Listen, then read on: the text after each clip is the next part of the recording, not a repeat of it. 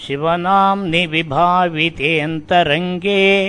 महति ज्योतिषि मानिदीमयार्धे दुरितान्यपयान्ति दूरदूरे मुहुरायान्ति महान्ति मङ्गलानि स्मृते सकलकल्याणभाजनम्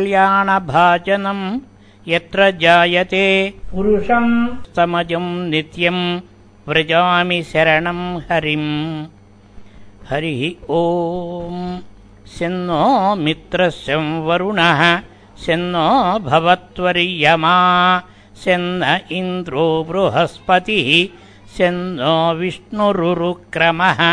नमो ब्रह्मणे नमस्ते वायो त्वमेव प्रत्यक्षम् ब्रह्मासि त्वमेव प्रत्यक्षम् ब्रह्म वदिष्यामि रतम् वदिष्यामि सत्यम् वदिष्यामि। तन्मामवतु तद्वक्तारमवतु अवतु माम् अवतु वक्तारम्। ॐ शान्तिश्शान्तिश्शान्तिः। ॐ सहना भवतु सहनौ भुनक्तु सह वीर्यम् करवावहै तेजस्विनावधीतमस्तु मा विद्विषावहै। ॐ शान्तिश्शान्तिश्शान्तिः। यच्छन्दसामृषभो विश्वरूपः। छन्दोभ्योऽध्यमृतात् सम्बभूव। समेन्द्रो मेधया स्पृणोतु अमृतस्य देवधारणो भूयासम्। शरीरम् मे विचर्षणम्। जिह्वा मे मधुमत्तमा। कर्णाभ्याम् भूरिविस्रुवम् ब्रह्मणः कोशोऽसि मेधया पिहितः श्रुतम् मे गोपाय।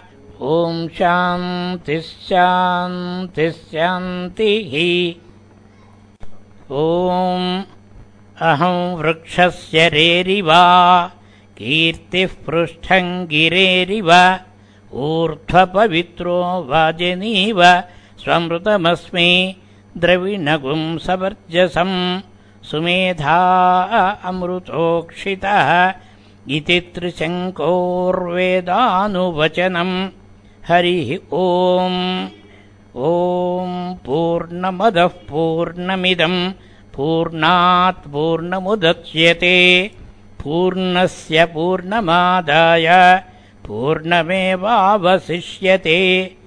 ॐ शान्तिश्शान्तिश्शान्तिः ॐ आप्यायन्तु ममाङ्गानि वाक्प्राणश्चक्षुश्रोत्रमधोबलमिन्द्रियाणि च सर्वाणि सर्वम् ब्रह्मोपनिषदम्। माहम् ब्रह्म निराकुर्याम् मा मा ब्रह्म निराकरोत् अनिराकरणमस्त्वनिराकरणम् मे अस्तु। तदात्मनि निरते य उपनिषत्सु धर्माः। ते मयि सन्तु। ॐ शान्तिश्शान्तिश्शान्तिः ॐ वाङ्मे मनसि प्रतिष्ठिता। मनो मे वाचि प्रतिष्ठितम्।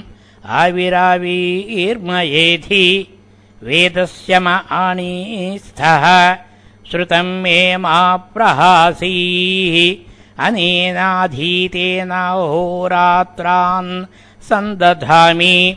रतम् वदिष्यामि सत्यम् वदिष्यामि तन्मामवतु तद्वक्तारमवतु। अवतु माम् अवतु वक्तारम्। ॐ शान्तिश्शान्तिश्शान्तिः ॐ भद्रन्नो अभिवातयमनः ॐ शान्तिश्शान्तिश्शान्तिः ॐ भद्रम् कर्णेभिः शृणुयाम देवाः भद्रम् पश्येमाक्षभिर्यजत्राः स्थिरैरङ्गैस्तुष्टुवागुम् सस्तनूभिः व्यसेम देवहितम् यदायुः स्वस्ति न इन्द्रो वृद्धस्रवाः स्वस्ति नः पूषा विश्ववेदाः स्वस्ति नस्तार्क्ष्यो अरिष्टनेमिः स्वस्ति नो बृहस्पतिर्दधातु ॐ शान्तिः यो ब्रह्माणम् विदधाति पूर्वम् यो वै वेदांश्च प्रहिणोति तस्मै। तगुंहदेवमात्मबुद्धिप्रकाशम् मुमुक्षुर्वै शरणमहम् प्रपद्ये।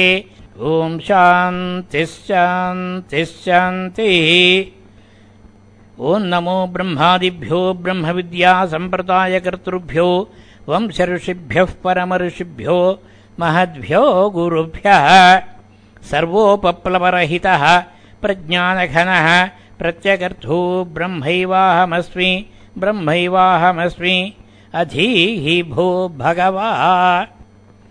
सदाशिवसमारम्भाम् शङ्कराचार्यमध्यमाम् अस्मदाचार्यपर्यन्ताम् वन्दे गुरुपरम्पराम् नारायणम् पद्मभुवम् वसिष्ठम् शक्तिम् च तत्पुत्रपराशरम् च व्यासम् शुकम् गौडपदम् महान्तम् गोविन्दयोगीन्द्रमधास्य शिष्यम्। श्रीशङ्कराचार्यमधास्य पद्मपादम् च हस्तामलकम् च शिष्यम्। तम् तोटकम् वार्तिककारमन्यान् अस्मद्गुरून् सन्ततमानतोऽस्मि। श्रुतिस्मृतिपुराणानाम् आलयम् करुणालयम् नमामि भगवत्पादम् शङ्करम् लोकशङ्करम् यदविद्याविलासेन भूतभौतिकसृष्टयः तम् नौमि परमात्मानम् सच्चिदानन्दविग्रहम् शङ्करम् शङ्कराचार्यम् केशवम् बादरायणम् सूत्रभाष्यकृतौ वन्दे भगवन्तौ पुनः पुनः। मौनव्याख्या प्रकटितपरब्रह्मतत्त्वम् युवानम्। वर्षिष्ठान्ते वसदृशिगणैः आवृतम् ब्रह्मनिष्ठैः। आचार्येन्द्रम् करकलितचिद्मुद्रमानन्दमूर्तिम्। स्वात्मा रामम् मुदितवदनम् दक्षिणामूर्तिमीडे विश्वम् दर्पणदृश्यमाननगरीतुल्यम् निजान्तर्गतम् पश्यन्नात्मनि मायया बहिरिवोद्भूतम् यथा निद्रया। यः साक्षात्कुरुते प्रबोधसमये स्वात्मानमेवाद्वयम्। तस्मै श्रीगुरुमूर्तये नम इदम्। श्रीदक्षिणामूर्तये बीजस्यान्तर्वाङ्कुरो जगदिदम् प्राङ्निर्विकल्पम् पुनः मायाकल्पितदेशकालकलना वैचित्र्यचित्रीकृतम्। मायावीव विजृम्भयत्यपि महायोगीव यस्वेच्छया। तस्मै श्रीगुरुमूर्तये नम इदम् श्रीदक्षिणामूर्तये। यस्यैव स्फुरणम् सदात्मकमसत्कल्पार्थकम् भासते। साक्षात्तत्त्वमसीति वेदवचसा यो बोधयत्याश्रितान्। यः साक्षात्करणात् भवेन्न पुनरावृत्तिर्भवाम्भोनिधौ। तस्मै श्रीगुरुमूर्तये नम इदम् श्रीदक्षिणामूर्तये नानाच्छिद्रघटोदरस्थितमहादीपप्रभाभास्वरम् ज्ञानम् यस्य तु चक्षुरादिकरणद्वारा बहिः स्पन्दते जानामीति तमेव भान्तमनुभात्येतत् समस्तम् जगतु तस्मै श्रीगुरुमूर्तये नम इदम् श्रीदक्षिणामूर्तये देहम् प्राणमपीन्द्रियाण्यपि चलाम् बुद्धिम् च शून्यम् विदुः। स्त्रीबालान्धजडोपमास्वहमिति भ्रान्ताभृशम् वादिनः। मायाशक्तिविलासकल्पितमहाव्यामोहसंहारिणे तस्मै श्रीगुरुमूर्तये नम इदम् श्रीदक्षिणामूर्तये कृष्णयजुर्वेदान्तर्गता कठोपनिषत् पूर्वशान्तिपाठः। ॐ सहना भवतु सहनौ भुनक्तु सह वीर्यम् करवावहै। तेजस्विनावधीतमस्तु मा विद्विषावहै। ॐ शान्तिः शान्तिः शान्तिः शिष्याचार्ययोः प्रमादकृत अन्यायेन विद्याग्रहणप्रतिपादननिमित्तदोषप्रशमनार्था इयम् शान्तिः उच्यते। सहना भवतु। नौ, शिष्याचार्यौ सहैव अवतु रक्षतु। सहनौ भुनक्तु। भोजयतु। अथ कठोपनिषद्भाष्यपीठिका प्रस्तूयते। ॐ नमो भगवते वैवस्वताय, मृत्यवे ब्रह्मविद्याचार्याय, नचिकेतसे च। अथ काठकोपनिषद्वल्लीनाम् सुखार्थप्रबोधनार्थम् अल्पग्रन्था वृत्तिः आरभ्यते। सदेर्थातोः विसरणगत्यवसादनार्थस्य उपनिपूर्वस्य क्विप्रत्ययान्तस्य रूपम् उपनिषदिति। उपनिषच्छब्देन च व्यातिख्यासितग्रन्थप्रतिपाद्यवेद्य वस्तुविषया विद्या उच्यते। केन पुनरर्थयोगेन उपनिषच्छब्देन विद्या, उच्यते इति। उच्यते।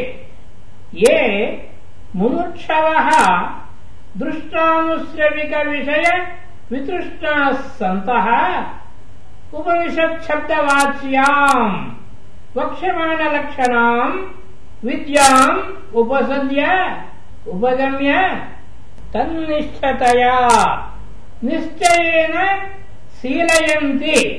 तेषाम् अविद्यादेः संसारबीजस्य विसरणात् हिंसनात् विनाशनात् इत्यनेन अर्थयोगेन विद्या उपनिषत् इत्युच्यते।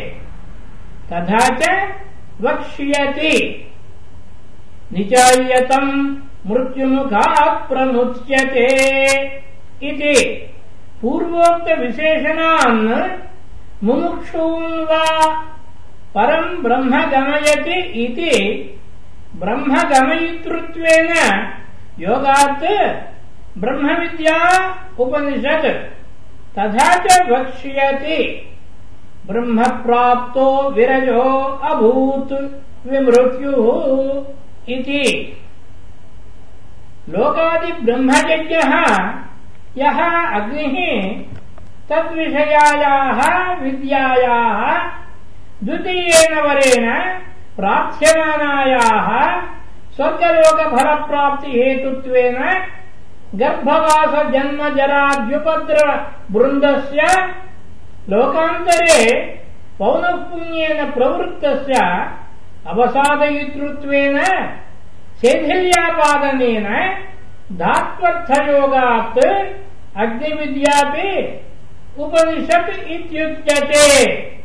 तथा च वक्ष्यति स्वर्गलोका अमृतत्वम् भजन्ते इत्यादि। ननु च उपनिषत्शब्देन अध्येतारो ग्रन्थमपि अभिलपन्ति। उपनिषदम् अधीमहे। अध्यापयामः इति च। एवम् नैष दोषः।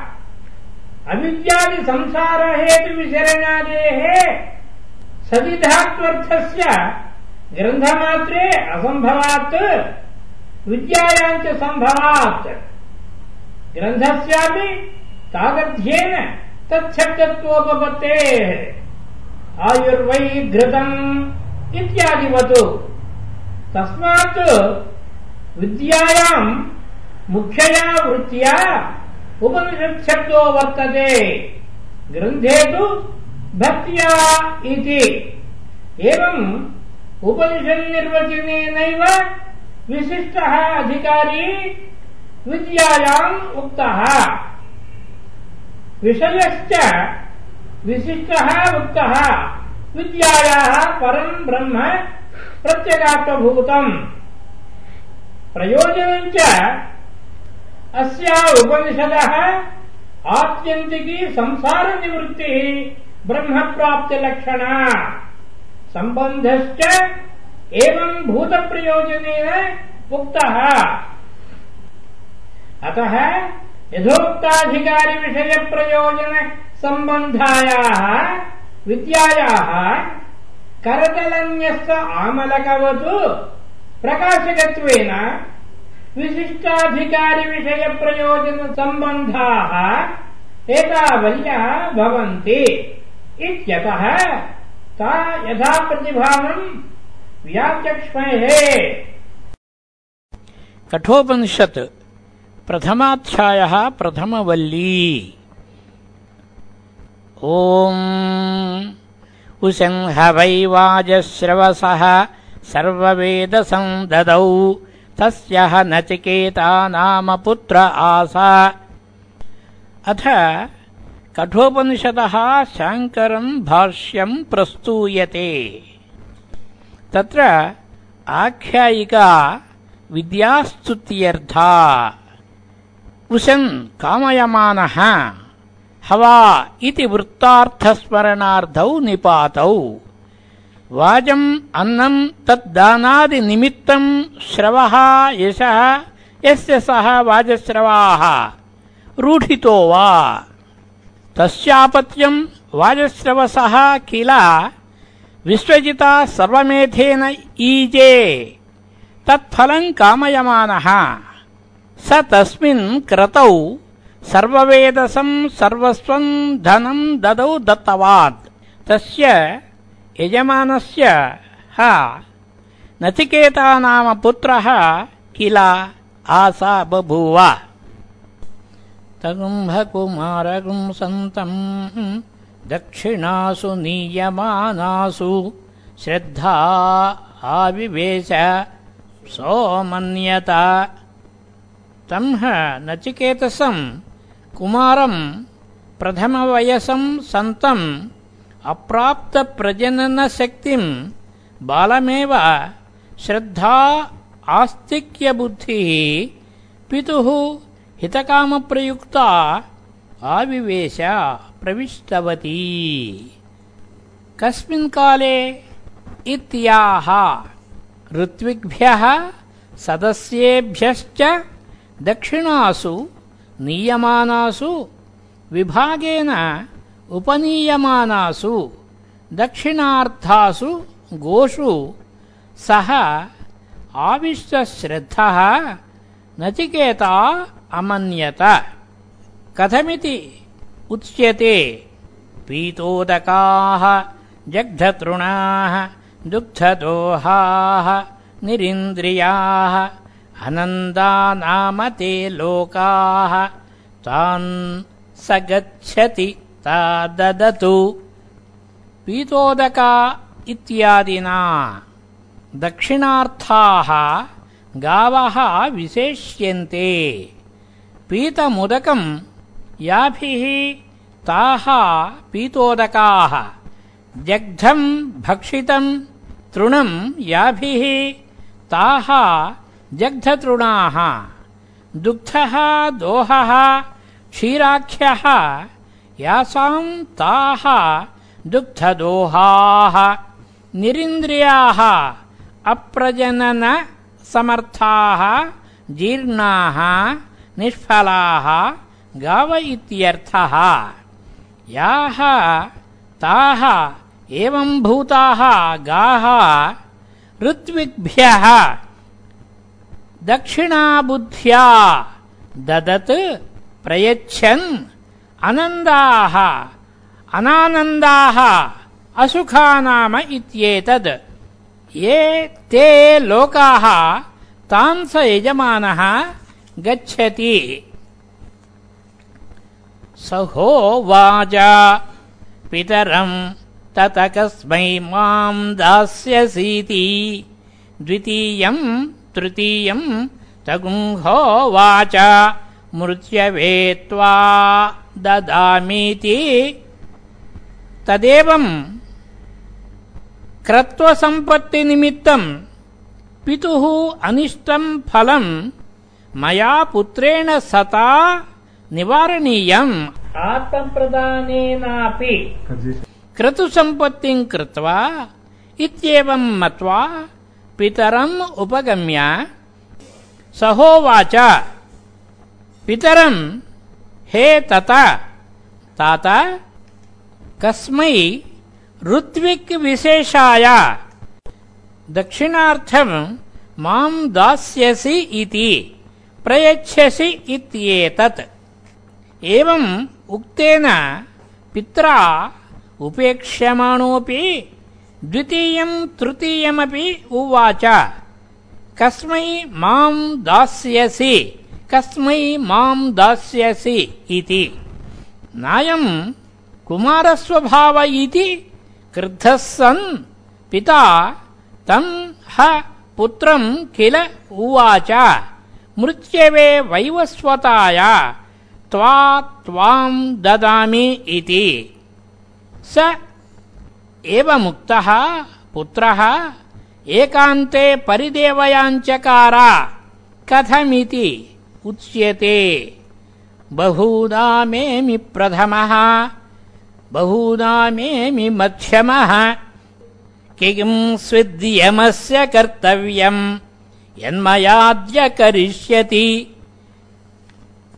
बहूनाम् शिष्याणाम् पुत्राणाम् वा एमि गच्छामि? प्रथमः सन् मुख्यया शिष्यादिवृत्त्या इत्यर्थः। मध्यमानाञ्च बहूनाम् मध्यमः मध्यमयैव वृत्त्या एमि। न अधमया कदाचिदपि। तम् एवम् विशिष्टगुणमपि पुत्रम्। माम् मृत्यवे त्वा ददामि इत्युक्तवान् पिता। स किम् स्वित् यमस्य कर्तव्यम् प्रयोजनम् मया प्रत्येन करिष्यति। यत् अद्य नूनम् प्रयोजनम् अनपेक्ष्य एव क्रोधवशादुक्तवान् पिता।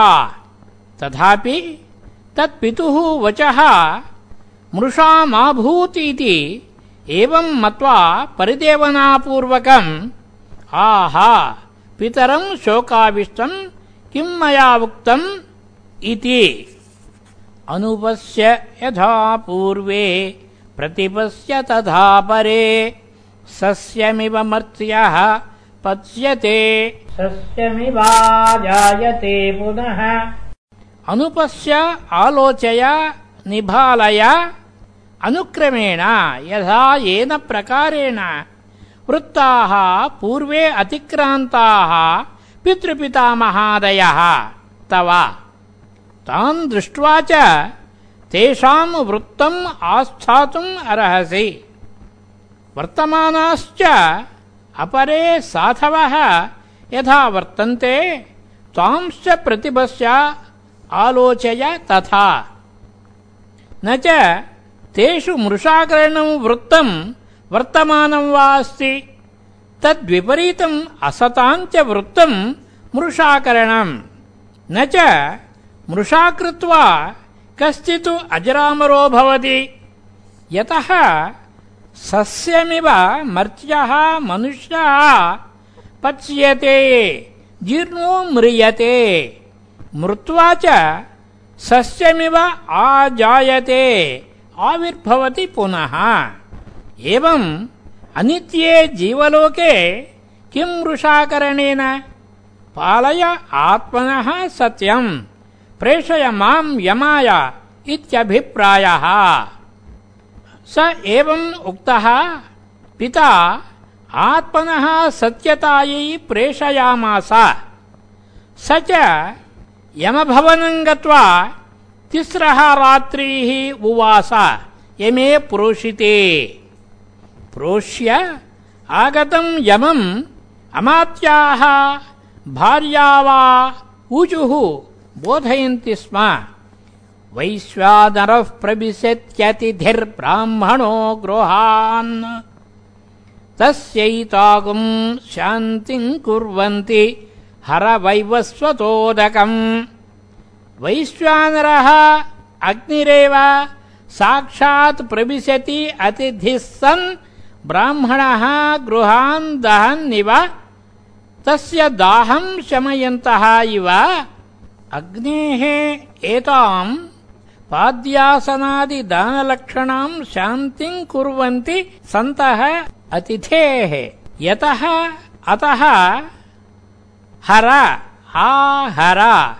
हे वैवस्वत उदकम् नचिकेतसे पाद्यार्थम्। यतश्च अकरणे प्रत्यवायः श्रूयते। आशाप्रतीक्षे सङ्गतम् सून्द्रुताञ्च इष्टापूर्ते पुत्रपशुंश्च सर्वान् एतद्वृङ्क्ते पुरुषस्याल्पमेधसः। यस्यानस्नन् वसति ब्राह्मणो गृहे।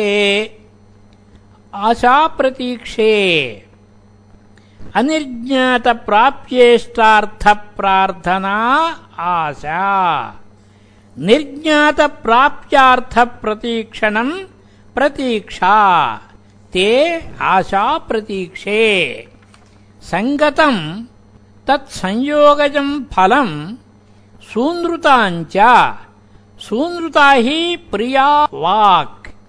तन्निमित्तञ्च इष्टापूर्ते इष्टम् यागजम् पूर्तम् आरामादिक्रियाजम् फलम् पुत्रपशूंश्च, पुत्रांश्च, पशूंश्च सर्वान्, एतत् सर्वम् यथोक्तम् वृङ्क्ते आवर्जयति, विनाशयति इत्येतत्।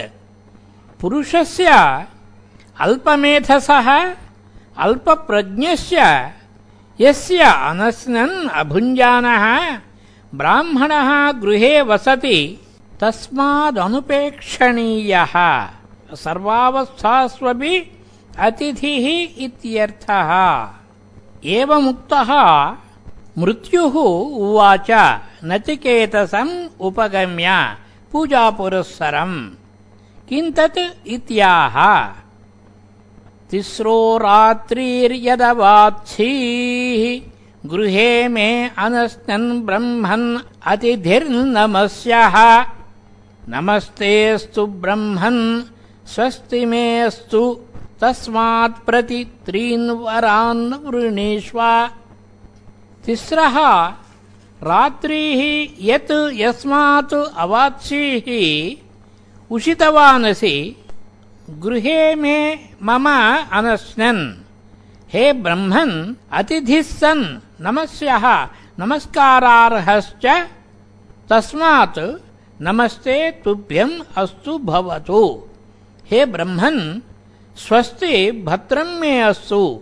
तस्मात् भवतः अनशनेन मद्गृहवासनिमित्तात् दोषात् तत्प्राप्त्युपशमेन। यद्यपि भवदनुग्रहेण सर्वम् मम स्वस्ति स्यात्, तथापि त्वदधिकसम्प्रसादनार्थम् अनशनेन उपोषिताम् एकैकाम् रात्रिम् प्रति त्रीन् वरान् वृणीष्व अभिप्रेतार्थविशेषान् प्रार्थयस्व मत्तः नचिकेतास्तु आह यदि दित्सुः वरान् शान्तसङ्कल्पः सुमना यथा स्यात् वीतमन्युर्गौतमो माभिमृत्यो त्वत्प्रसृष्टम् माभिवदेत्प्रतीतः एतत्त्रयाणाम् प्रथमम् वरम् वृणे। शान्तसङ्कल्पः, उपशान्तः सङ्कल्पः यस्य माम् प्रति। यमम् प्राप्य किन्नु करिष्यति मम पुत्र इति? सः शान्तसङ्कल्पः। सुमनाः प्रसन्नमनाश्च यथा स्यात्। वीतमन्युः विगतरोषश्च गौतमः मम पिता माभि मां प्रति हे मृत्यो किञ्च त्वत्प्रसृष्टम् त्वया विनिर्मुक्तम् प्रेषितम् गृहम् प्रति माम् अभिवदेत्। प्रतीतः लब्धस्मृतिः स एव अयम् पुत्रो मम आगत इत्येवम् प्रत्यभिजानन् इत्यर्थः एतत् प्रयोजनम् त्रयाणाम् वराणाम् प्रथमम् आद्यम् वरम् वृणे प्रार्थयेयम् यत्पितुः परितोषणम्। मृत्युः उवाच। यथा पुरस्ताद्भविता प्रतीतः औद्दालकिरारुणिः मत्प्रसृष्टः। सुखम् रात्रीशयिता वीतमन्युस्त्वाम् ददृशिवान् मृत्युमुखात् प्रमुक्तम्। यथा बुद्धिः त्वयि पुरस्तात् पूर्वम् आसीत्। स्नेहसमन्विता पितुः तव भविता। प्रीतिसमन्वितः तव पिता। तथैव प्रतीतः प्रतीतवान् सन् औद्दालिकिः। उद्दालक एव औद्दालकिः। अरुणस्य अपत्यम् आरुणिः। द्व्यामुष्यायणो वा। मत्प्रसृष्टः। मया अनुज्ञातः सन् इतरा अपि रात्रिः सुखम् प्रसन्नमनाः। शयिता स्वप्ता। वीतमन्युः च विगतमन्युः च भविता। स्यात्। त्वाम् पुत्रम् ददृशिवान् दृष्टवान्। स मृत्युमुखात् मृत्युगोचरात् प्रमुक्तम् सन्तम्। नचिकेता उवाच स्वर्गे लोके न भयम् किञ्च नास्ति। न तत्र त्वम् न जरया बिभेति। उभे तीर्त्वा अशनाया पिपासे शोकातिको मोदते स्वर्गलोके। स्वर्गे लोके रोगादिनिमित्तम् भयम् किंचन किञ्चिदपि नास्ति। न च तत्र त्वम् मृत्यो सहसा प्रभवसि। अतः जरया युक्तः इहलोकवतु, त्वत्तः न बिभेति कुतश्चित् तत्र। किञ्च उभे अशनाया पिपासे तीर्त्वा अतिक्रम्य शोकम् अतीत्य गच्छति इति शोकादिकः सन्। मानसेन दुःखेन वर्जितः मोदते हृष्यति स्वर्गलोके दिव्ये। सत्त्वमग्निम् स्वर्गमध्येषि मृत्यो प्रब्रूहि त्वम् श्रद्दधानाय मह्यम् स्वर्गलोका अमृतत्वम् भजन्ते। एतद्वितीयेन वरुणे वरेण। एवम् गुणविशिष्टस्य स्वर्गलोकस्य प्राप्तिसाधनभूतम् अग्निम् स्वर्गीयम् सत्वम् मृत्युः अध्येषि। स्मरसि, जानासि इत्यर्थः। हे मृत्यो, यतः प्रब्रूहि कथय श्रद्दधानाय श्रद्धावते मह्यम् स्वर्गार्थिने येन अग्निना चितेन స్వర్గలోకా స్వర్గ లోక ఏషాంతే స్వర్గలోకా యజమానా అమృతత్వం అమరణతాం దేవత్వం భజంతే ప్రాప్నువంతి. తత్ ఏతత్ అగ్ని విజ్ఞానం ద్వితీయేన వరేణ వృణే. మృత్యో ప్రతిజ్ఞా ఇయం. ప్రతిబ్రవీమి తదు మే నిబోధ. स्वर्गीयमग्निम् नचिकेतः प्रजानन् अनन्तलोकाप्तिमधो प्रतिष्ठाम् विद्धि त्वमेनम् निहितम् गुहायाम्। प्रते तुभ्यम् ब्रवीमि यत् त्वया प्रार्थितम् तत्। उ मे मम वचः निबोध बुद्ध्यस्व एकाग्रमनाः सन् स्वर्गीयम् स्वर्गाय हितम् स्वर्गसाधनम्। अग्निम् हे नचिकेतः प्रजानन् विज्ञातवान् अहम् सन् इत्यर्थः। प्रब्रवीमि तत् निबोध इति च शिष्यबुद्धिसमाधानार्थम् वचनम्। अधुना अग्निम् स्तौति। अनन्तलोकाप्तिम् स्वर्गलोकफलप्राप्तिसाधनम् इत्येतत्। अथापि प्रतिष्ठाम् आश्रयम् जगतः विराट्रूपेण। तम् एतम् अग्निम् मया उच्यमानो विद्धि जानीहि। त्वम् निहितम् स्थितम् गुहायाम् विदुषाम् बुद्धौ निविष्टम् इत्यर्थः। इदम् श्रुतेर्वचनम्। लोकादिमग्निम् तमुवाच तस्मै। या इष्टकाः यावतीर्वा यथा वा स चापि तत् प्रत्यवदत् यथोक्तम्। अथास्य मृत्युः पुनरेवाह तुष्टः। लोकादिम् लोकानाम् आदिम् प्रथमशरीरत्वात् अग्निम् तम् प्रकृतम् नचिकेतसा प्रार्थितम्। उवाच उक्तवान् मृत्युः, तस्मै नचिकेतसे।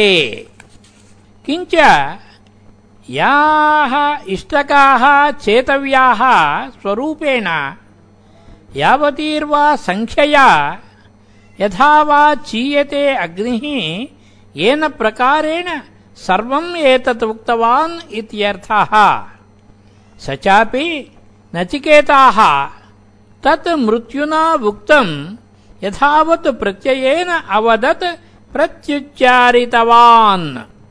अथ, तस्य प्रत्युच्चारणेन तुष्टः सन् मृत्युः पुनरेव आह वरत्रयव्यतिरेकेण अन्यम् वरम् दित्सुः कथम् तमब्रवीत् प्रीयमाणो महात्मा। वरम् तवेहाद्य ददामि भूयः।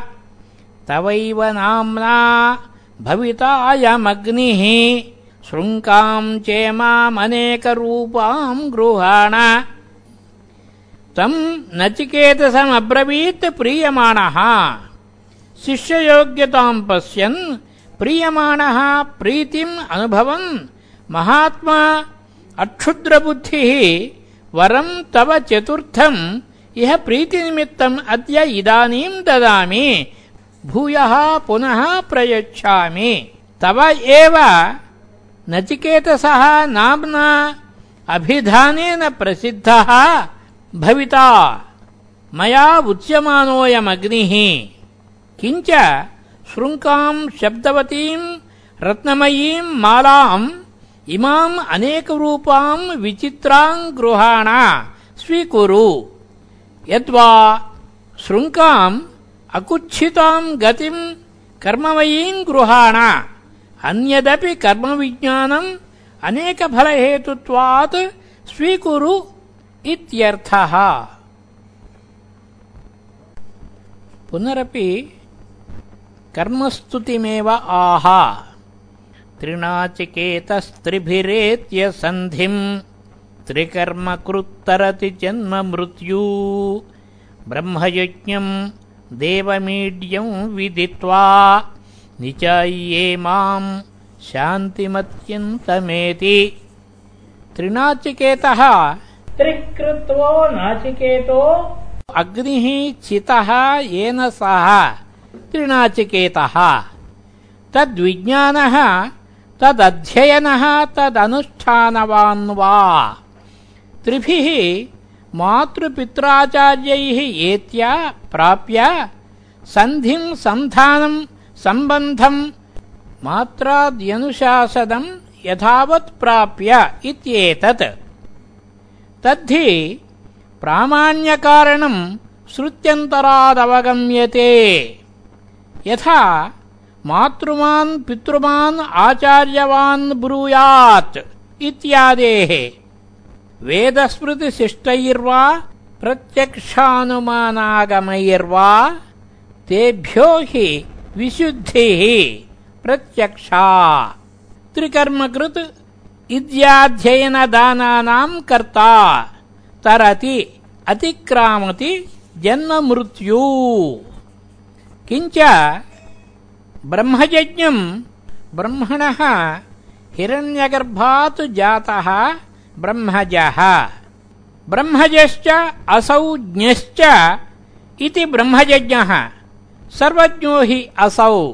तम् देवम् द्योतनात् ज्ञानादिगुणवन्तम् ईड्यम् स्तुत्यम् विदित्वा शास्त्रतः निचाय दृष्ट्वा च आत्मभावेन ఇమాం స్వబుద్ధి ప్రత్యక్షాం శాంతిం ఉపరతిం అత్యంతం ఏతి అతిశయేన ఏతి. వైరాజం పదం జ్ఞానకర్మ సముచ్చయానుష్ఠానేన ప్రాప్నోతి ఇత్యర్థః. ఇదానీం అగ్ని విజ్ఞాన చయన ఫలముపసంహరతి ప్రకరణం చ త్రినాచికేతస్త్రయమేతద్విదిత్వా य एवम् विद्वांश्चिनुते नाचिकेतम्। समृत्युपाशान् पुरतः प्रणोद्य शोकातिगो मोदते स्वर्गलोके। त्रिणाचिकेतः त्रयम् यथोक्तम्। या इष्टकाः यावतीर्वा यथा वा इत्येतत् विदित्वा अवगम्य। यश्च एवम् आत्मरूपेण अग्निम् विद्वान् चिनुते निर्वर्तयति। नाचिकेतम् अग्निम् क्रतुम्। सः मृत्युपाशान् अधर्माज्ञानरागद्वेषादिलक्षणान् पुरतः अग्रतः पूर्वमेव शरीरपातात् इत्यर्थः। प्रणोद्य अपहाय शोकादिकः मानसैः दुःखैः वर्जितः इत्येतत्। मोदते, स्वर्गलोके वैराजे विराडात्मस्वरूपप्रतिपत्त्या एष ते अग्निर्नचिकेतः स्वर्गीयो यमवृणीथा द्वितीयेन वरेण। एतमग्निम् तवैव प्रवक्ष्यन्ति जनासः। तृतीयम् वरम् नचिकेतो वृणीष्व। एष ते तुभ्यम् अग्निः वरः, हे नचिकेतः, स्वर्ग्यः, स्वर्गसाधनः, यम् अग्निम् वरम् अवृणीथाः प्रार्थितवानसि। द्वितीयेन वरेण, सोऽग्निः वरः दत्तः, इति उक्तोपसंहारः। किञ्च, एतम् अग्निम् तवैव नाम्ना प्रवक्ष्यन्ति जनासः जनाः इति एतत्। एष वरः दत्तः, मया चतुर्थः तुष्टेन। तृतीयम् वरम् नचिकेतः वृणीष्व। तस्मिन् हि अदत्ते ऋणवानहम् इत्यभिप्रायः। एतावद्धि अतिक्रान्तेन विधिप्रतिषेधार्थेन मन्त्रब्राह्मणेन अवगन्तव्यम् यत् वरद्वयसूचितम् वस्तु न आत्मतत्त्वविषय याथात्म्यविज्ञानम् अतः विधिप्रतिषेधार्थविषयस्य आत्मनि क्रियाकारकफलाध्यारोपणलक्षणस्य स्वाभाविकस्य, अज्ञानस्य, संसारबीजस्य निवृत्त्यर्थम् तद्विपरीतब्रह्मात्मैकत्वविज्ञानम् क्रियाकारकफलाध्यारोपलक्षण शून्यम् आत्यन्तिकनिःश्रेयसप्रयोजनम् वक्तव्यम् इति उत्तरो ग्रन्थः आरभ्यते। तम् एतम् अर्थम् द्वितीयवरप्राप्त्यापि अकृतार्थत्वम् तृतीयवरगोचरम् आत्मज्ञानमन्तरेण इति आख्यायिकया प्रपञ्चयति। यतः पूर्वस्मात् कर्मगोचरात् साध्यसाधनलक्षणात् अनित्यात् विरक्तस्य आत्मज्ञाने अधिकार इति तन्निन्दार्थम् पुत्राद्युपन्यासेन प्रलोभनम् क्रियते। नचिकेता उवाच, तृतीयं वरं नचिकेतो वृणीष्व इत्युक्तः सन् येयं प्रेते, विचिकित्सा मनुष्ये अस्तीत्येके नायमस्ति इति चैके। एतद्विद्यामनुशिष्टस्त्वयाहम् वराणामेषवरस्तृतीयः। येयं विचिकित्सा संशयः, प्रेते मृते मनुष्ये अस्ति इति एके। अस्ति शरीरेन्द्रियमनोबुद्धिव्यतिरिक्तः, देहान्तरसम्बन्धी आत्मा इति एके। नायमस्तीति च एके, न अयम् एवंविधो अस्ति इति च एके।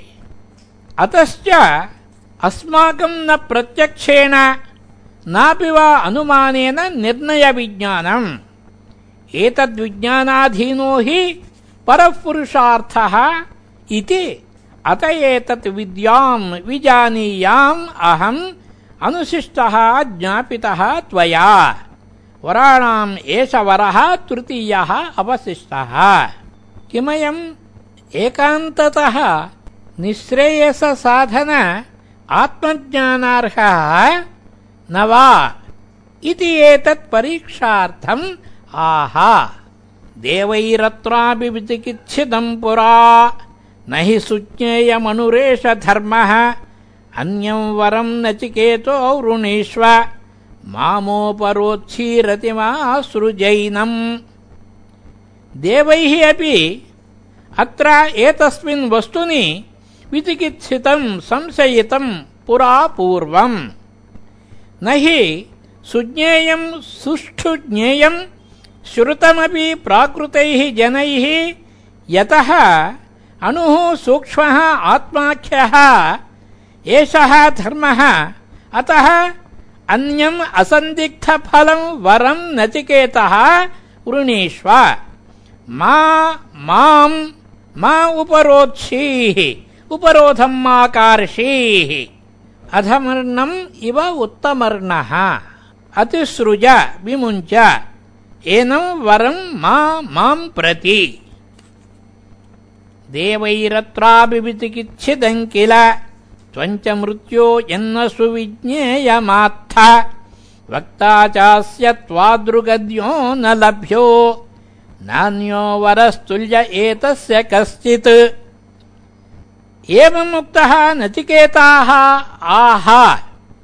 देवैरत्रापि एतस्मिन् वस्तुनि विचिकित्सितम् किल? इति भवत एव न श्रुतम्। त्वञ्च मृत्यो यत् यस्मात् न सुज्ञेयम् आत्मतत्त्वम् आत्थ कथयसि। अतः पण्डितैरपि अवेदनीयत्वात् वक्ता च अस्य धर्मस्य त्वादृक् त्वत्तुल्यः अन्यः पण्डितश्च न लभ्यः अन्विष्यमाणोऽपि। अयम् च वरः निःश्रेयसप्राप्तिहेतुः। अतः न अन्यः वरः तुल्यः, सदृशः अस्ति। एतस्य कश्चिदपि। अनित्यफलत्वात् अन्यस्य सर्वस्य एव इति अभिप्रायः। एवमुक्तोऽपि पुनः प्रलोभयन् उवाच मृत्योः। शतायुषः पुत्रपौत्रान् वृणीष्व, बहून् पशून् हस्तिहिरण्यमश्वान् भूमेर्महदायतनम् वृणीष्व स्वयम् च जीव शरदो यावदिच्छसि। शतायुषः शतम् वर्षाणि आयुंषि येषाम् तान् शतायुषः। पुत्रपौत्रान् वृणीष्व। किञ्च गवादिलक्षणान् बहून् पशून् हस्तिहिरण्यम् हस्ती च हिरण्यम् च हस्तिहिरण्याम्, अश्वांश्च। किञ्च भूमेः पृथिव्याः महत् विस्तीर्णम्, आयतनम्, आश्रयम् మండలం సామ్రాజ్యం రాజ్యం వృణీష్వ. కించ సర్వమపి ఏతత్ అనర్థకం స్వయం స్వయంచేత్ అల్పాయు ఇత్యత ఆహ. స్వయంచ జీవ త్వం జీవ ధారయ. శరీరం సమగ్రేంద్రియ కలాపం శరదः వర్షాణి యావత్ ఇచ్చసి జీవితం ఇత్యర్థ. एतत्तुल्यम् यदि मन्यसे वरम् वृणीष्ववित्तम् चिरजीविकाम् च महाभूमौ नचिकेतस्त्वमेधि कामानाम् त्वा कामभाजम् करोमि। एतत्तुल्यम् एतेन यथोपदिष्टेन सदृशम् अन्यम् अपि यदि मन्यसे वरम् तमपि वृणीष्व। किञ्च वित्तम् प्रभूतम् हिरण्यरत्नादि चिरजीविकाञ्च सह वित्तेन वृणीष्व इत्येतत्। किं बहुना? महाभूमौ महत्याम् भूमौ राजा नचिकेतः त्वम् एधि भव। किञ्च अन्यत् कामानाम् दिव्यानाम् मानुषाणाम् च त्वा त्वाम् कामभाजम् कामभागिनम् कामार्हम् करोमि। सत्यसङ्कल्पो हि अहम् देव इति भावः। ये ये कामा दुर्लभामर्त्यलोके सर्वान् कामांश्छन्दतः प्रार्थयस्व। इमा रामाः सरथाः स तूर्याः न हीदृशा लम्भनीया मनुष्यैः। आभिर्मत्प्रत्ताभिः परिचारयस्व। नचिकेतो मरणम् मानुप्राक्षीः। ये ये कामाः प्रार्थनीयाः, दुर्लभाश्च मर्त्यलोके सर्वान् तान् कामान् छन्दतः, इच्छातः प्रार्थयस्व। किञ्च इमाः दिव्याः अप्सरसः रमयन्ति पुरुषान् इति रामाः, सह रथैः वर्तन्ते इति सरथाः। सतूर्याः, सवादित्राः, ताश्च न हि लम्भनीयाः, प्रापणीयाः, ईदृशाः एवंविधाः मनुष्यैः, मर्त्यैः अस्मदादिप्रसादमन्तरेण। आभिः मत्प्रत्ताभिः मया दत्ताभिः, परिचारिणीभिः परिचारयस्व आत्मानम् पादप्रक्षाडनादिशुश्रूषाम् कारय। आत्मन इत्यर्थः।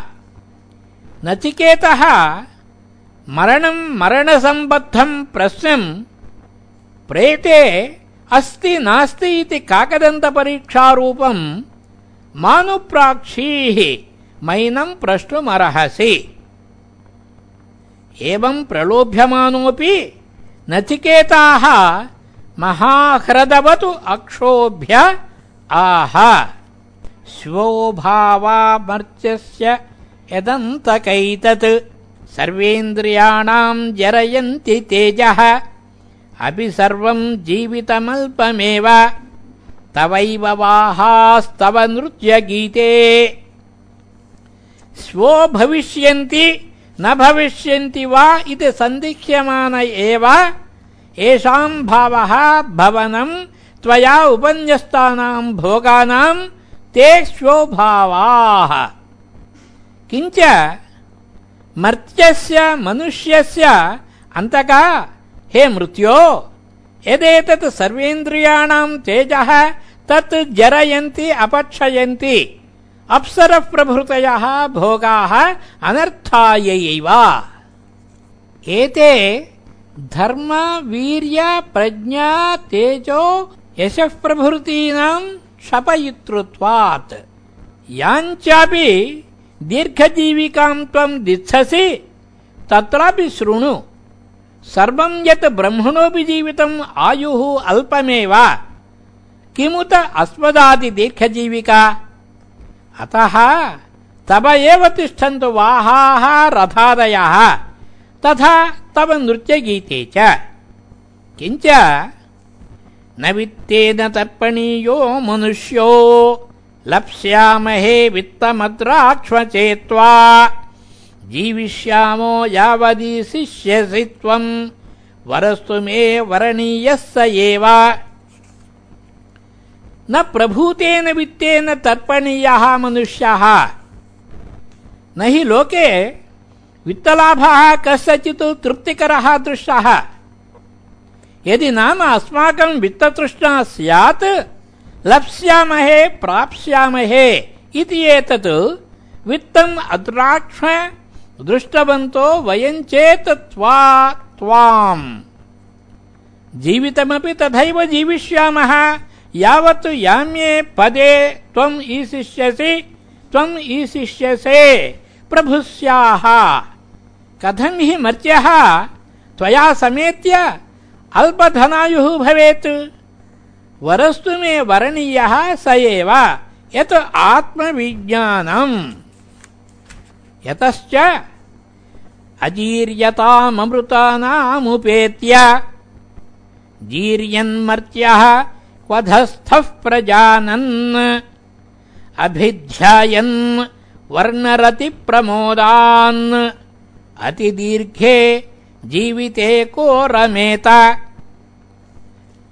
अजीर्यताम् वयोहानिम् अप्राप्नुवताम् अमृतानाम् सकाशम् उपेत्य उपगम्य, आत्मनः उत्कृष्टम् प्रयोजनान्तरम् प्राप्तव्यम्। तेभ्यः प्रजानन् उपलभमानः स्वयं तु जीर्यन् मर्त्यः जरामृडमान् क्वधस्थः कुः पृथिवी, अधश्च अन्तरिक्षादिलोकापेक्षया तस्याम् तिष्ठति इति क्वधस्थः सन् कथम् एवम् अविवेकिभिः प्रार्थनीयम्? पुत्रवित्तहिरण्यादि अस्थिरम् वृणीते। क्व तदास्थः इति वा पाठान्तरम्? अस्मिन् पक्षे च अक्षरयोजना। तेषु पुत्रादिषु आस्था आस्थितिः तात्पर्येण वर्तनम् यस्य स तदास्थः। ततो अधिकतरम् पुरुषार्थम् दुष्प्रापमपि प्रापयिषुः। क्व तदास्थो भवेत्? न कश्चित् तदसारज्ञः तदर्थी स्यादित्यर्थः सर्वो हि उपर्युपर्येव बुभूषति लोकः। तस्मात् न पुत्रमित्रादिलोभैः प्रलोभ्यः अहम्। किञ्च अप्सरः प्रमुखान् वर्णरतिप्रमोदान् अनवस्थितरूपतया अभिध्यायन्, निरूपयन्। यथावत् अतिदीर्घे जीविते को विवेकीर्रमेत अतः विहाय अनित्यैः कामैः प्रलोभनम्। यत् मया प्रार्थितम् यस्मिन्निदम् विचिकित्सन्ति मृत्यो। यत्साम्पराये महति ब्रूहिणस्तत् योऽयम् वरो गूढमनुप्रविष्टो नान्यम् तस्मान्नचिकेतावृणीते यस्मिन् प्रेते इदम् विचिकित्सनम् विचिकित्सन्ति अस्ति नास्ति इत्येवम् प्रकारम् हे मृत्यो साम्पराये परलोकविषये महति महत्प्रयोजननिमित्ते आत्मनः निर्णयविज्ञानम् यत् तत् ब्रूहि कथय नः अस्मभ्यः। किम् बहुना? योऽयम् प्रकृतात्मविषयः वरः गूढम् गहनम् दुर्विवेचनम् प्राप्तः अनुप्रविष्टः। तस्मात् वरात् अन्यम् अविवेकिभिः प्रार्थनीयम् अनित्यविषयम् परम् नचिकेता न वृणीते। मनसापि इति श्रुतेः वचनम् इति। इति श्रीमत्परमहंसपरिव्राजकाचार्य गोविन्दभगवत्पूज्यपादशिष्य श्रीमदाचार्य श्रीशङ्करभगवतः कृतौ कठोपनिषद्भाष्ये प्रथमाध्याये प्रथमवल्ली भाष्यम् समाप्तम्।